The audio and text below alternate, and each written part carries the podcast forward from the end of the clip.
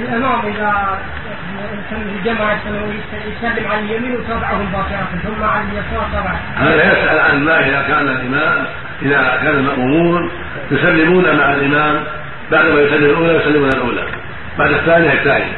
الجواب هذا لا بأس به صحيح لا يضر لكن السنة والأولى والأفضل ان يتاخروا إلى التسليمه الثانية لا لا يعجل إذا سلم الإمام الأولى لا يسلمون حتى يسلم الثانية على ظاهر الأحاديث ومن باب كمال المتابعة.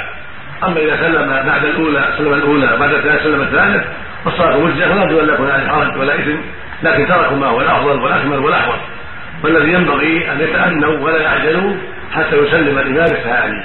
فإذا سلم الثانية سلموا. لقول النبي صلى الله عليه وسلم وإذا كبر فكبروا فاذا ركع ركعوا حتى تركع فسيمثل ذلك. يعني يتأنون حتى يسلم الثانية. هذا هو الأحوط والأكمل. في الاتباع وإذا سلم الاولى بعد الأولى والثانية بعد الثانية نرجو ان يكون عليه حرج ولكنه ترك ما هو الأحوط والافضل الحديث في صحيح البخاري ما معناه إنه بيدل على إن يعني لو سلم المؤمنين بعد الإمام بعد التسليمه الأولى مباشره لعل أنه تكون يعني هذه التسليمة ولو أحدث تبقى صلاته صحيحه.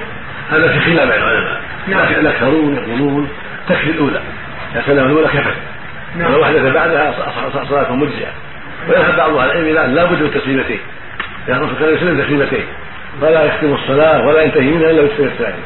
فعلى هذا لو أحدث بين التسليمتين بطل الصلاة. فعليه أن يعيدها وهذا هو الأرجح. الأرجح ان أنه لا بد من تسليمتين.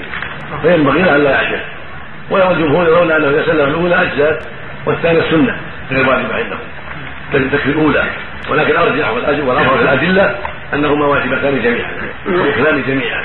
من اركان الصلاة لأن الرسول حافظ عليهما وقال صلوا كما رأيتم يصلي وفق الله الجميع وصلى الله وسلم على نبينا محمد. وعلى اله وصحبه